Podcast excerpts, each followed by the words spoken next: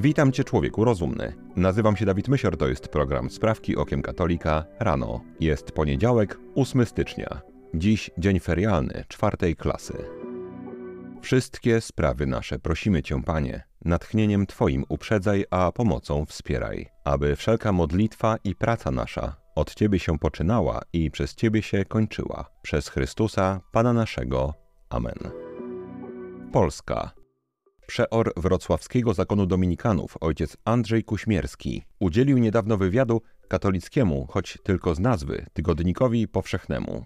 W rozmowie poruszony został temat dokumentu Fiducia Supplicans i otwarcia przez niego kościoła na błogosławienie tzw. Tak par jednopłciowych. Dominikański duchowny wyznał, że on sam od dawna błogosławi takie związki. Ojciec Kuśmierski powiedział: Błogosławieństwa, o których mówi dokument, praktykowane były od dekad, nie tylko na Zachodzie, także w Polsce. Sam podczas prowadzenia rekolekcji dla środowiska Wiara i Tęcza wielokrotnie udzielałem błogosławieństwa i to dokładnie w takiej formie, jaka została przedstawiona w deklaracji, jako aktu nieliturgicznego.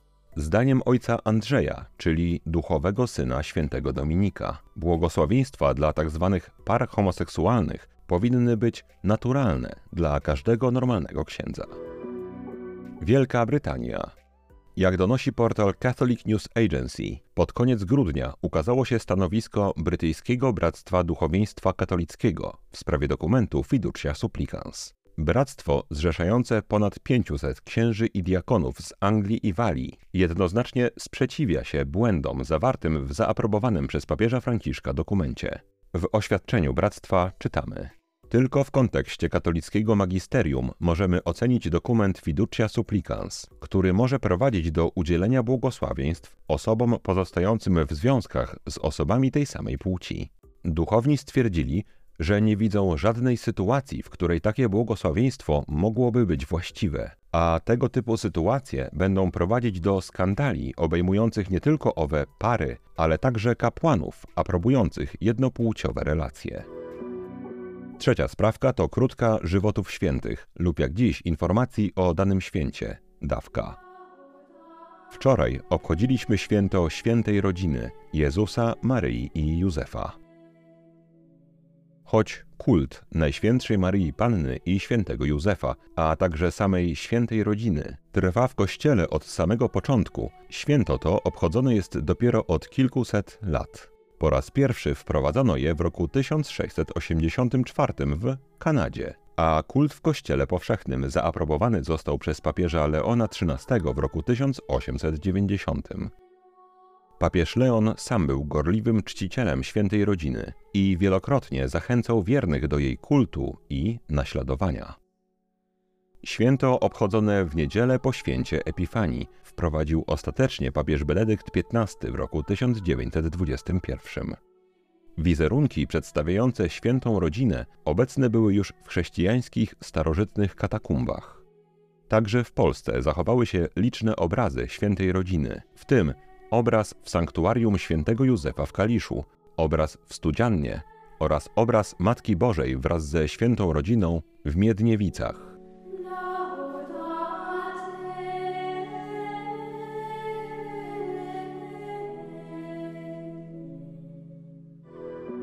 Watykan. Jak donosi portal Catholic Herald, ambasada Izraela w Watykanie po raz kolejny wystąpiła przeciwko hierarchom Kościoła katolickiego, atakując ich za podejście do wojny w strefie gazy. Najnowsza wypowiedź ambasadora pana Rafaela Schulza dotyczy wydarzeń z połowy grudnia, w których dwie palestyńskie kobiety zostały zamordowane na terenie parafii Świętej Rodziny w Gazie, a zdarzenie to zostało jednoznacznie potępione przez łaciński patriarchat Jerozolimy. Ambasador Izraela z nieukrywaną nonszalancją określił słowa katolickiego biskupa jako irytujące i zarzucił zarówno jemu, jak i innym hierarchom jątrzenie i wspieranie antyizraelskich nastrojów. Pan Schulz powiedział: Uważam za bardzo irytujące, że łaciński patriarchat w Jerozolimie bardzo szybko opublikował tekst nazywający siły obronne Izraela mordercami z zimną krwią, co jest w zasadzie oszczerstwem. To była sprawka czwarta, a po niej reklama, uwagi warta. Czy chciałbyś, mój drogi słuchaczu, przeczytać książkę, która w kompleksowy i bardzo prosty sposób wyjaśnia przebieg rewolucji liturgicznej w Kościele katolickim na tle całej historii Kościoła?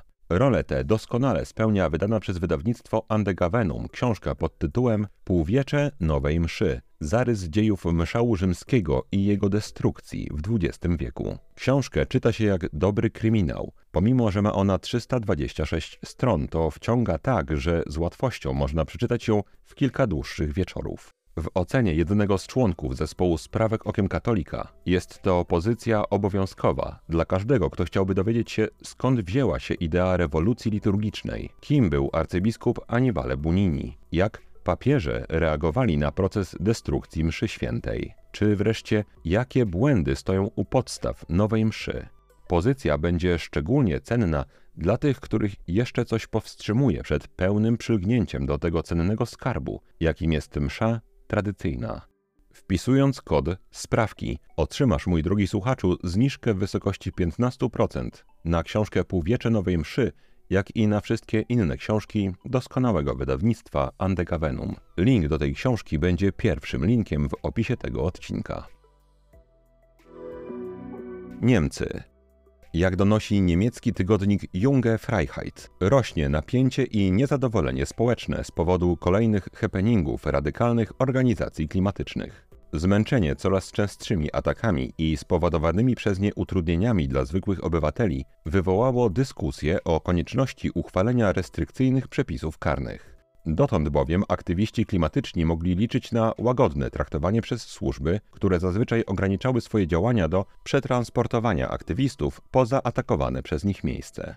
Partia Unia Chrześcijańsko-Społeczna, rządząca landem Bawarii, zakomunikowała, że rozpocznie pracę nad nowelizacją prawa, umożliwiającą aresztowanie klimatystów dopuszczających się wyjątkowo uciążliwych akcji. Sprawcy mogliby być karani aż trzymiesięcznym aresztem. Pomysł CSU ma na celu przede wszystkim odstraszenie ekoterrorystów od realizacji ich absurdalnych pomysłów. Choć oczywistym jest, że te biedne, oszołomione osoby, które realizują te akcje, realizują pomysły kogoś, kto tak naprawdę niczego nie ryzykuje. Chiny. Na przestrzeni ostatnich tygodni wiele diecezji i krajowych episkopatów wyraziło sprzeciw wobec opublikowanego przez Stolicę Apostolską dokumentu Fiducia Supplicans. Odmienne podejście wyraziła natomiast diecezja Hongkongu, na czele której stoi jezuita i współpracownik papieża Franciszka, biskup Stephen Chow Sau Yen. Jego zdaniem fiducia supplicans odpowiada biblijnej tradycji oraz niezmiennemu nauczaniu Kościoła. W oświadczeniu diecezji czytamy – w sercu tej deklaracji znajduje się wezwanie księży do udzielania błogosławieństw duszpasterskich tym, którzy żyją w związkach homoseksualnych albo nieregularnych, ale proszą o miłosierdzie Ojca. To oczywiście jest nieprawda. Dokument nie mówi o tym, że błogosławieństwo ma być dla osób, które szukają miłosierdzia. A poza tym o Boże miłosierdzie prosi się, gdy się wyrzeknie grzechu lub przynajmniej bardzo chce się go wyrzec. Biskup Chao Sao Yen, jezuita, wyraził także nadzieję, że Dzięki inspirującemu przesłaniu dokumentu społeczeństwa bardziej otworzą się na Boże błogosławieństwo. Siódma sprawka to krótka katechizmu, dawka. Katechizm według sumy teologicznej świętego Tomasza z Akwinu. Część druga. Człowiek. Wyszedł od Boga i powinien wrócić do Boga. Rozdział pierwszy. Ujęcie ogólne powrotu człowieka do Boga. Punkt ósmy. Cnoty, które mogą i powinny być w człowieku zasadą jego dobrych czynów. Co należy rozumieć przez osiągnięcie cnoty? To, iż jest to uzyskanie lub wydoskonalenie wszystkich dobrych sprawności, które kierują człowieka ku czynieniu dobra. Jakie są te dobre sprawności, które kierują człowieka ku czynieniu dobra? Są to skłonności czy też dyspozycje, które są przyporządkowane różnym władzom, a które powodują, że uczynki tych władz są dobre. Skąd biorą się w tych różnych władzach w człowieku te skłonności i dyspozycje, które kierują ku dobremu działaniu? Biorą się częściowo z samej natury. Niekiedy także pochodzą od podmiotu działającego zgodnie z pewną cnotą, a zdarza się jeszcze, że to Bóg bezpośrednio powoduje powstanie ich w duszy poprzez swoje nadprzyrodzone działanie. Czy podmiotem tych skłonności, czy też dyspozycji, albo też dobrych sprawności i cnót jest umysł ludzki? Tak, podmiotem tych skłonności czy też dyspozycji, albo też dobrych sprawności i cnót jest umysł ludzki. Jaki efekt wywierają te cnoty na umysł człowieka? Powodują one, że umysł opowiada się tylko za prawdą. Jakie są te cnoty w umyśle ludzkim? Są to mądrość, wiedza, pojętność, sztuka i roztropność. Jaki w umyśle, czyli rozumie ludzkim, jest przedmiot każdej z tych cnót? Pierwsza z tych cnót daje poznanie zasad, druga poznanie wniosków, trzecia poznanie najwyższych przyczyn, czwarta umiejętność tworzenia dzieł, a piąta umiejętność kierowania życiem moralnym. Czy w takim razie we właściwym kierowaniu życiem, w jego aspekcie moralnym, najważniejsza jest roztropność? Tak, to roztropność jest najważniejsza we właściwym kierowaniu życiem, w jego aspekcie moralnym. Czy tylko te wymienione cnoty są cnotami umysłu ludzkiego? Nie, jest jeszcze inna cnota umysłu ludzkiego, która należy jednak do wyższego porządku.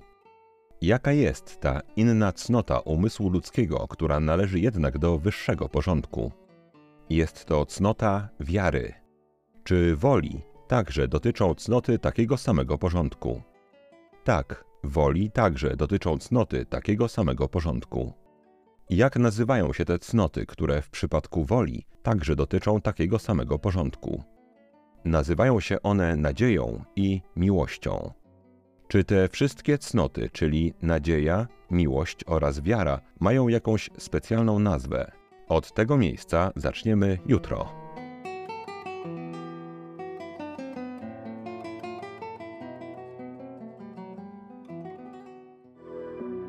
Stany Zjednoczone.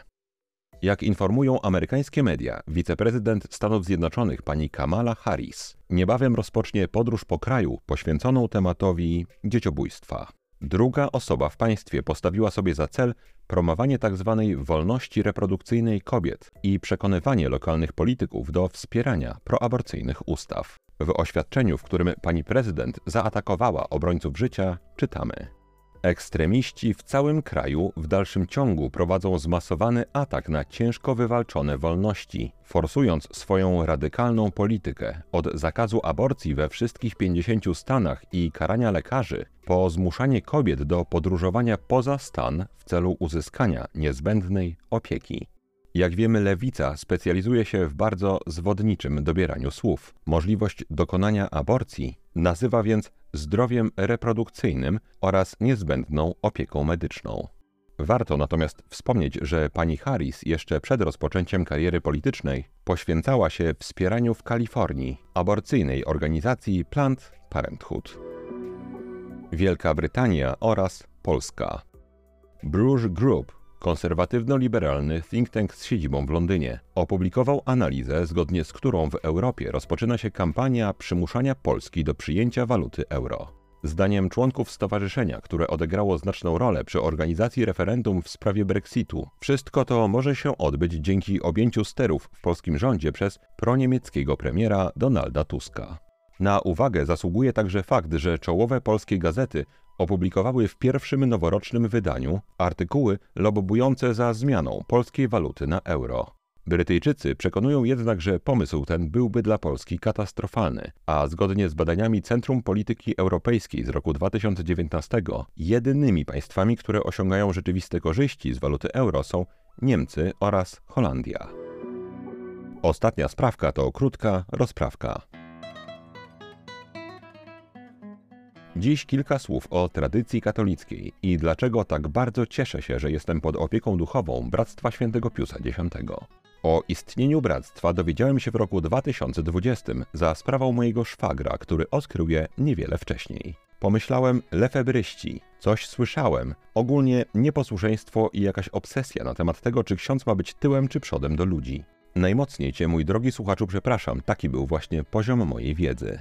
Szwagier argumentował, ale ja do rozmów przystępowałem z nastawieniem, jakie wydają się mieć wszyscy, którzy po raz pierwszy stykają się z tą tematyką, czyli z a priori przyjętą tezą, że cokolwiek by ten zwolennik tradycji nie mówił, to jest jakieś zwiedzenie, coś niebezpiecznego. Moje argumenty były dość standardowe: jedność kościoła, posłuszeństwo i strach przed schizmą. Co jednak wyraźnie zwróciło moją uwagę, to to, że szwagier i jego rodzina byli jacyś inni niż wcześniej. Mam tę nieszczęsną cechę człowieka, że dokonuję porównań, więc byłem w takim trochę niewygodnym szoku. To teraz mój szwagier ma mieć rodzinę w jakiś niewytłumaczalny sposób bardziej katolicką niż ja? Co tu się dzieje? Po jakimś czasie od tych pierwszych rozmów byłem pierwszy raz na mszy tradycyjnej, jednak bez modlitewnika, więc wtedy widziałem to, co chyba wszyscy, którzy po raz pierwszy słuchają tej mszy bez modlitewnika. Wydawało mi się, że to jest to samo, tylko inaczej. Ksiądz stoi tyłem,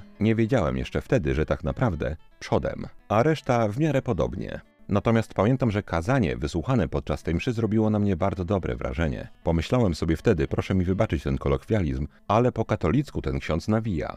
Dawno czegoś takiego nie słyszałem. Nadal byłem jednak pewien, że moje miejsce jest w strukturach, które znam, w strukturach posoborowych, na mszy, na której się wychowałem, czyli na nowej mszy. Moje miejsce jest, jak wtedy myślałem, po bezpiecznej stronie. Jednak zacząłem słuchać kazań i konferencji księży bractwa. Nie było żadnej wątpliwości dla mojego rozumu, że pod względem jakości treści jest to jak picie krystalicznie czystej wody w porównaniu do picia z kałuży. Bardzo wszystkich urażonych tym porównaniem przepraszam, ale myślałem też wtedy, że fakt, że ktoś dobrze i po katolicku mówi, nie jest jeszcze przecież dowodem, że w całości jest w prawdzie.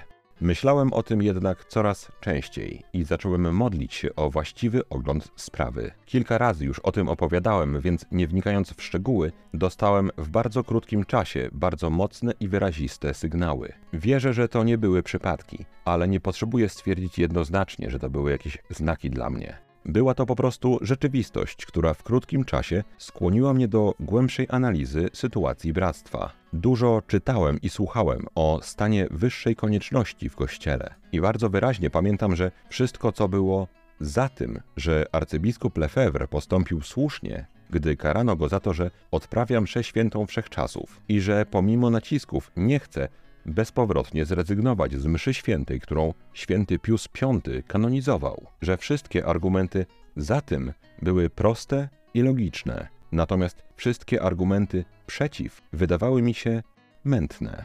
Jak już kilka razy opowiadałem, pojechałem wreszcie na mszę świętą tradycyjną, tym razem z modlitewnikiem, który podarował mi szwagier. I to był dla mnie przełom, ponieważ czytając po polsku to, co ksiądz i ministrant mówili po łacinie, stało się dla mnie jasne, że Nowa msza jest pod każdym względem jakby słabsza, mętniejsza, ograniczona, rozcieńczona. Znałem na pamięć nową mszę, więc mogłem porównań dokonywać w locie. Od razu wiedziałem, skoro zmian jest powiedzmy kilkanaście i każdziutka jest na gorsze, to coś musi być na rzeczy. Myślałem, dobrze więc, znalazłem jakichś ludzi, którzy przechowują katolicyzm, ale w nieposłuszeństwie do samego katolicyzmu? Jak to jest możliwe? I wtedy zacząłem czytać o posłuszeństwie u świętego Tomasza z Akwinu i dość szybko stało się dla mnie jasne, że bractwo jest w pełnym posłuszeństwie i że żadną miarą nie jest poza Kościołem. Od tamtego czasu, od przeszło dwóch i pół roku, odnajduję duchowość katolicką. Różnic względem duchowości, którą poznawałem w kościele, tak to powiedzmy, posoborowym, w tej większej części kościoła, do której przeniknął modernizm. Tych różnic było wiele, ale ta, która na początku mnie uderzyła, to było to, że w tradycji katolickiej jest inne podejście do należnego respektu i uniżenia wobec Pana Boga, które wcale nie stoją w sprzeczności z miłością Pana Boga do mnie oraz z miłością, którą ja jestem Panu Bogu winny. Będąc wiernym bractwa, jestem katolikiem i uważam, że trwam w pełnej jedności, we właściwym tego słowa znaczeniu, z Kościołem katolickim. Mój drogi słuchaczu, jeżeli masz chęć, napisz w komentarzu, czy masz jakieś pytania, wątpliwości na temat Bractwa Kapłańskiego Świętego Piusa X. Czy masz jakieś opory?